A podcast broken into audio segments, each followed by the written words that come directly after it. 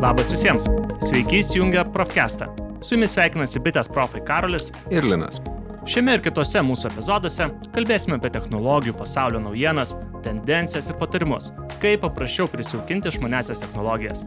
O šiandien išsameu papasakosime apie Samsung prekės ženklą, nuo ko prasidėjo šio technologijų giganto istorija ir ką jis gali vartotojams pasiūlyti šiandien. Jo, tai kalbėsime apie kompanijos veiklos pradžią, plėtrą, prisiminsime ir žinoma legendinius Samsung išmaniuosius telefonus, jų raidą, e, nuo ko prasidėjo ir iki ko tai privedė ir ką dabar Samsung gali naujausia pasiūlyti e, klientam ir kuo tai gali praversti jum kasdieniam gyvenime. Bet prieš padedant, dar noriu paminėti, kad mes, Bitas Profai, visada esame pasiruošę atsakyti bet kokius jūsų klausimus su išmaniosiamis technologijomis. Mūsų rasite didžiausių Lietuvos miestų bitės salonuose, reikite kreipkitės, tikrai su malonumu padėsime ir patarsime. Pagalbos taip pat galite rasti ir bitė.lt puslapyje profų skiltyje. Linai, tu turbūt kaip ir daugelis Samsung laikai technologijų gigantų. Tikrai taip. Bet ar žinai, nuo ko prasidėjo jų veiklos istorija? E, aš žinoma žinau, e, aš tuo gyvenu, bet klausytėm papasakok. Tie, kas šios istorijos nebus girdėję, tikrai nusteps. Taigi, Samsung buvo įkurta 1938 metais Pietų Koreja. Ir kompanija iš pradžių vertėsi tikrai ne technologijomis, o jų prekyba vyko maisto produktais. Vėliau kompanija plėtė savo veiklą, atidarė cukraus apdirbimo padalinį Busan mieste, kuris turbūt vienintelis buvo toksai nepaliestas vykstančio karo. Todėl galėjo ir sėkmingai veikti. Po cukraus apdirbimo sėkmės įmonė toliau siekia užimti skirtingas verslo sritis ir atidarė savo tekstilės apdirbimo atšaką, kuri vėliau tapo netgi didžiausia Vilnos apdirbimo įmonė Pietų Korejoje. Pridėsiu, kad šis įmonės išsiskirstimas į skirtingas šakas ir laikomas yra Samsung sėkmės receptų, kuris išgelbėjo kompaniją nuo bankroto. Greitai auganti įmonė vėliau išsiplėtė ir į draudimo, mažmeninės prekybos, statybos bei sunkiosios mašinerijos rytis. Ir dabar Samsung lygiai taip pat yra išsklaidžiusi savo veiklos rytis, dabar jų yra virš 40, jeigu tiksliai atsimenu. E, Lietuvoje galbūt labiausiai Samsung siejame su tokiais išmaniaisiais įrenginiais kaip telefonai, laikrodžiai, planšetiniai kompiuteriai, žinoma, ir, aišku, namų elektronikos įrenginiai, skalbimo mašinos, šalituvai, televizoriai ir taip toliau. E, tačiau iš tikrųjų šiuo metu kompanija gamina net laivus, automobilius. E, tiesa, jie mūsų nepasiekė, yra skirti Azijos rinkai, bet tai tikrai parodo, koks didelis šios kompanijos veiklos mastas. Na, kadangi mūsų podcastas yra daugiau apie technologijas, o ne apie laivus ar automobilius, plačiau pakalbėkime apie Samsung išmaniuosius įrenginius, o gal konkrečiau tai būtų išmaniuosius telefonus. Vertėtų pradėti nuo be nesėkmingiausios Samsung serijos, tai Samsung Galaxy S, kurios pirmasis išmanusis buvo pristatytas 2010 metais. Jo ekranas buvo 4 colių strižainės, kas, na, šį dieną netrodo daug. Tikrai ne. Tačiau jisai jau turėjo Super AMOLED technologijos ekraną. Na, ši technologija suteikia ekranui didesnį ryškumą, kontrastingumą, bei vaizdai geriau matomi tiesioginiai saulės šviesoje. Tai dabar turi šią technologiją tikrai ne vienas flagmanas, tai yra OLED technologijos ekranus, naudoja turbūt didžioji dalis brangesnių telefonų. Ar taip, Linai? Uh, tikrai taip, bet vat, tai ir norėčiau pabrėžti, kad OLED ekranai jie ir yra dažniausiai naudojami flagmanuose arba jau brangesniuose vidutinės klasės telefonuose. Uh, pigesniuose telefonuose vėl, visgi šita technologija yra vis dar per brangi, E, kad tai būtų na, finansiškai protingas sprendimas gamintojui. O jeigu grįžtant prie Samsung istorijos, tai Samsung Galaxy S pirmosios serijos išmaniųjų buvo parduota daugiau negu 25 milijonai.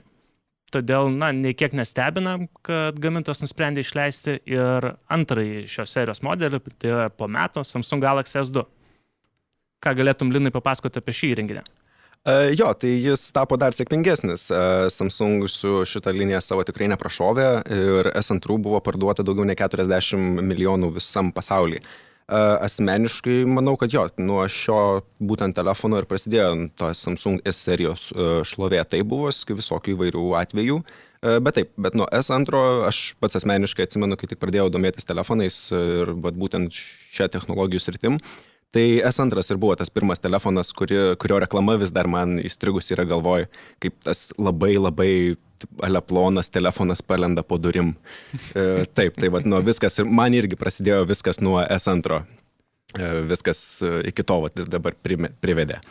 E, taip, tai kodėl S2? Tai taip, jis turėjo be negeriausius tuo metu parametrus, e, bet tuo pačiu buvo ir pigesnis gerokai už tuo metu jau, jau tuo metu pagrindinio konkurento Apple flagmaną. Ir apskritai galvoju, kad šis modelis tikrai atspindėjo tai, ką gali Samsung tuo metu, nu, ką geriausio gali Samsung tuo metu pasiūlyti plačiai visuomeniai.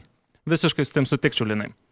Tačiau kompanija nestovėjo vietai ir tais pačiais metais pristatė dar vieną savo flagmanų seriją - Samsung Galaxy Note. Tai lygiai taip pat sėkminga serija.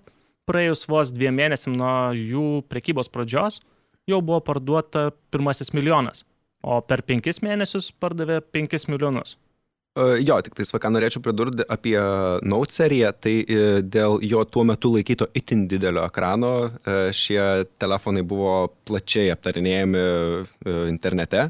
Pavyzdžiui, buvo jokaujama, kad kitas Samsung Galaxy Note bus televizoriaus dydžio, turint omeny, kad ekrano didėjimo tą tendenciją Nu, to mes dar nepasiekėm, bet palyginimui pasiemus tuos du telefonus į rankas, tai taip, ta tendencija vis dar matosi. E, jo, ir dėl itin plačiai pasklidusių juokų šis renginys taip, tapo gan tokia interneto legenda ir dar dabar galima rasti šią temą susijusių mymų. E, pirmasis Samsung Galaxy Note net buvo vadinamas planšetafonu, e, jeigu taip lietuviškai išsireiškus, angliškai yra phablet, e, tai kas neatsimena, tai yra iš esmės phone ir tablet e, žodžių junginys.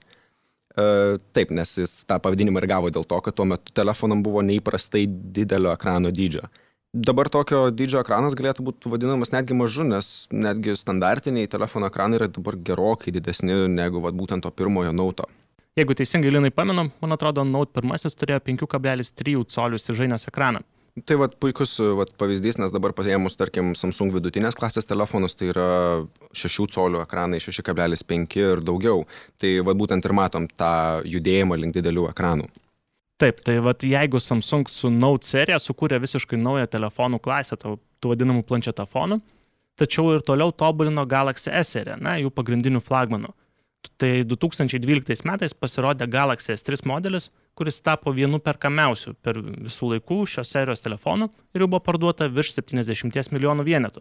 Ir nuo šio modelio atsiradimo tapo aišku, kad nors Android operacinės sistemos įrenginius gamina tikrai ne vienas gamintojas, bet geriausias, na, kaip ir flagmanas tarp visų Android išmaniųjų, tampa Samsung Galaxy S serijos išmanieji.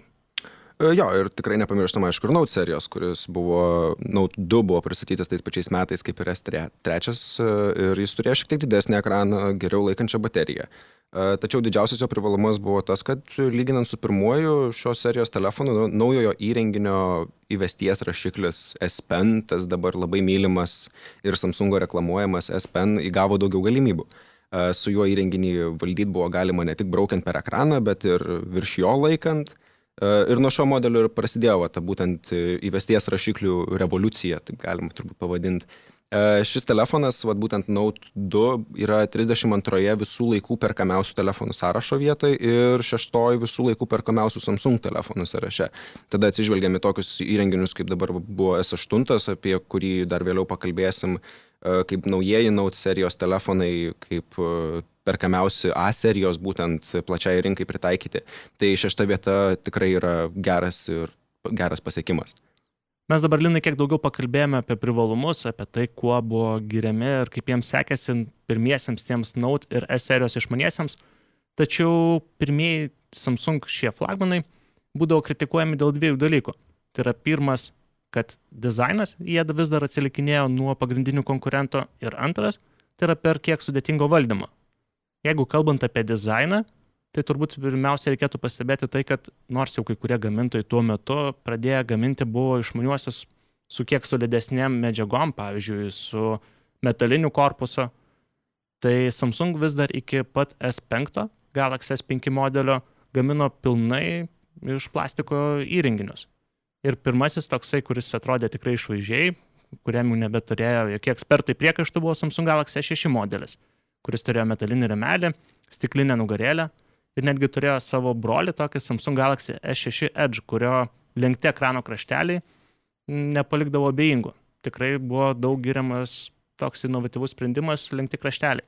Taip, e, būtent va tie lenkti kraštai ir tapo kaip ir flagmanų tokiu bruožu, nes naujausi ir iš Samsung įrenginiai ir Huawei įrenginiai vis dar turi tuos lenktus ekranus. Na ir matom, kaip tai prigijo rinkoje. Dar kaip minėjai, dėl būtent valdymo, tai dėl ko dar labai kritikai kybo prie Samsungo, tai dėl gamykliškai rašytų programėlių kiekio. Tai jeigu būdavo Google Chrome, tai bus tikrai Samsung Internet. Jeigu buvo Google kalendorius, tai bus tikrai Samsungo kalendorius. Ir taip su kiekviena praktiškai programėlė, kurią rasdavai telefone, tai iš esmės būdavo dvi programėlės e, kurios daro iš esmės tą patį, tik tai viena iš e, programinės įrangos gamintojo ir kita iš Samsungo. Ir kitas dar dalykas, dėl ko labai kibu, tai dėl TouchWiz. E, tai buvo vartotojo sąsoja, kurią Samsungas rašė ant viršaus e, Androido, kurį naudojo. Mano akim buvo gan neblogai, bet daug kritikų peikia dėl to, kad tai buvo per spalvinga, tai buvo per daug visko visur ir visai šmėtyta ir, nu, tiesiog nelogiškai išdėliotas pats valdymas e, tuose pačiuose nuo nustatymų iki meniu valdymų. Tai jeigu užsiminė apie nustatymus, tai lygiai tą patį galėčiau paminėti Samsung Galaxy S6 modelį kurio pasirodymo metu Samsung pirmą kartą pradėjo peržiūrėti, kiek yra tų nustatymų punktų ir stengtis jų kiek labiau sumažinti, kiek, kaip galima labiau aptraukti visas funkcijas, kad būtų vartotojui kuo paprasčiau. Tai nuo Galaxy S6 ir tolimesnių modelių vis kiekvienais metais matome paprastesnį valdymą, vis dalį funkcijų aptraukiama ir padaroma kuo intuityviau valdoma išmanai. Taip, ir tai yra tikrai teisingas sprendimas iš Samsung pusės. E, kitas e, Galaxy S serijos renginys, kurį tikrai reikėtų išskirti, yra 2017 metais pristatytas e, Galaxy S8. Tai yra pirmas tų didžiųjų gamintojų išmanusis, kurių, kurio beveik visą priekį sudarė ekranas. Tai dabar laikom gan standartiškų dalykų rinkoje, tačiau tuo metu tai buvo tikrai inovatyvus žingsnis. Tais pačiais metais buvo pristatytas ir Note 8 telefonas, pirmasis Samsung įrenginys, kuris nugarėlį turėjo jau nebe vieną, bet dvi kameras. Tačiau šį renginį labai greit pralenkė Nau 9, kuris buvo pristatytas praėjusiais 2018 metais. Nau 9 įrenginio įvesties rašiklis S Pen buvo dar labiau patobulintas, ką Samsung darė iš esmės metai iš metų. E, dabar jį užvedus e, ant užsienio kalba, pavyzdžiui, parašyto teksto buvo galima iš karto matyti vertimą, jo galima buvo rašyti ant užrakinto telefono ekrano. E, asmeniškai šią funkciją tikrai dažnai naudodavau. Kurti buvo galima animuoti žinutės arba net nuotoliniu būdu valdyti kamerą jeigu mūsų minimą Samsung įrenginių istoriją testume toliau, tai turbūt reikėtų jau pakalbėti apie dabartinius Samsung Galaxy S serijos ir Note serijos flagmanus. Tai pirmiausia, šį pavasarį pristatytus Samsung Galaxy S10 šeimos įrenginius. Reikėtų paminėti, kad pirmą kartą buvo pristatyti net iš karto trys Galaxy S10 įrenginiai. Tai Galaxy S10e, kuris šiek tiek mažesnis, norintiems kompaktiškesnio flagmano, S10 ir S10 Plus. Visi šie trys įrenginiai turėjo naujos technologijos Dynamic AMOLED ekraną.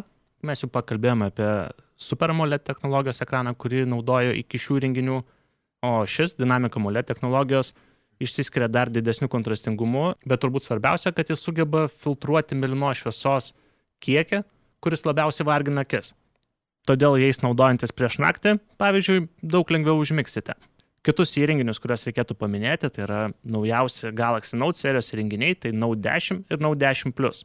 Note 10 Plus galima būtų vadinti atnaujintą Note 9 versiją, o Note 10 be pliuso, na tai yra visiškai naujas įrenginys.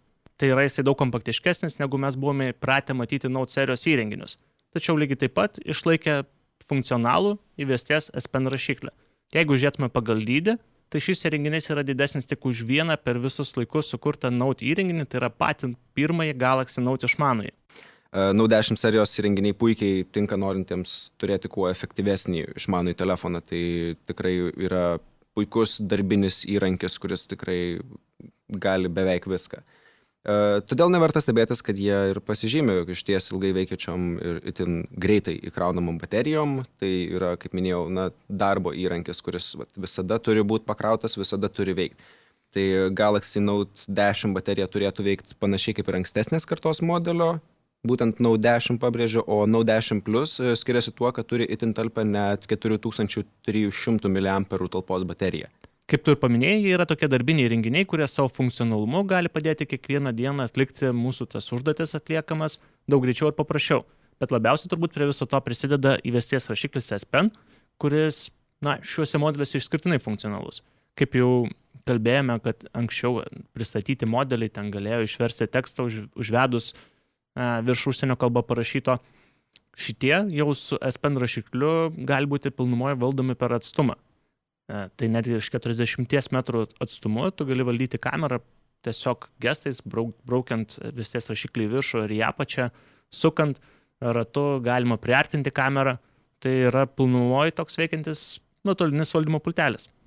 E, jo, ir tai yra tikrai patogu, ypač, ypač fotografuojant e, ilgo išlaikymo nuotraukas, nes tada tiesiog niek, nereikia priliest fotoaparato, nereikia priliest telefono ir tai tiesiog, na, pats vaizdas gaunasi stabilesnis.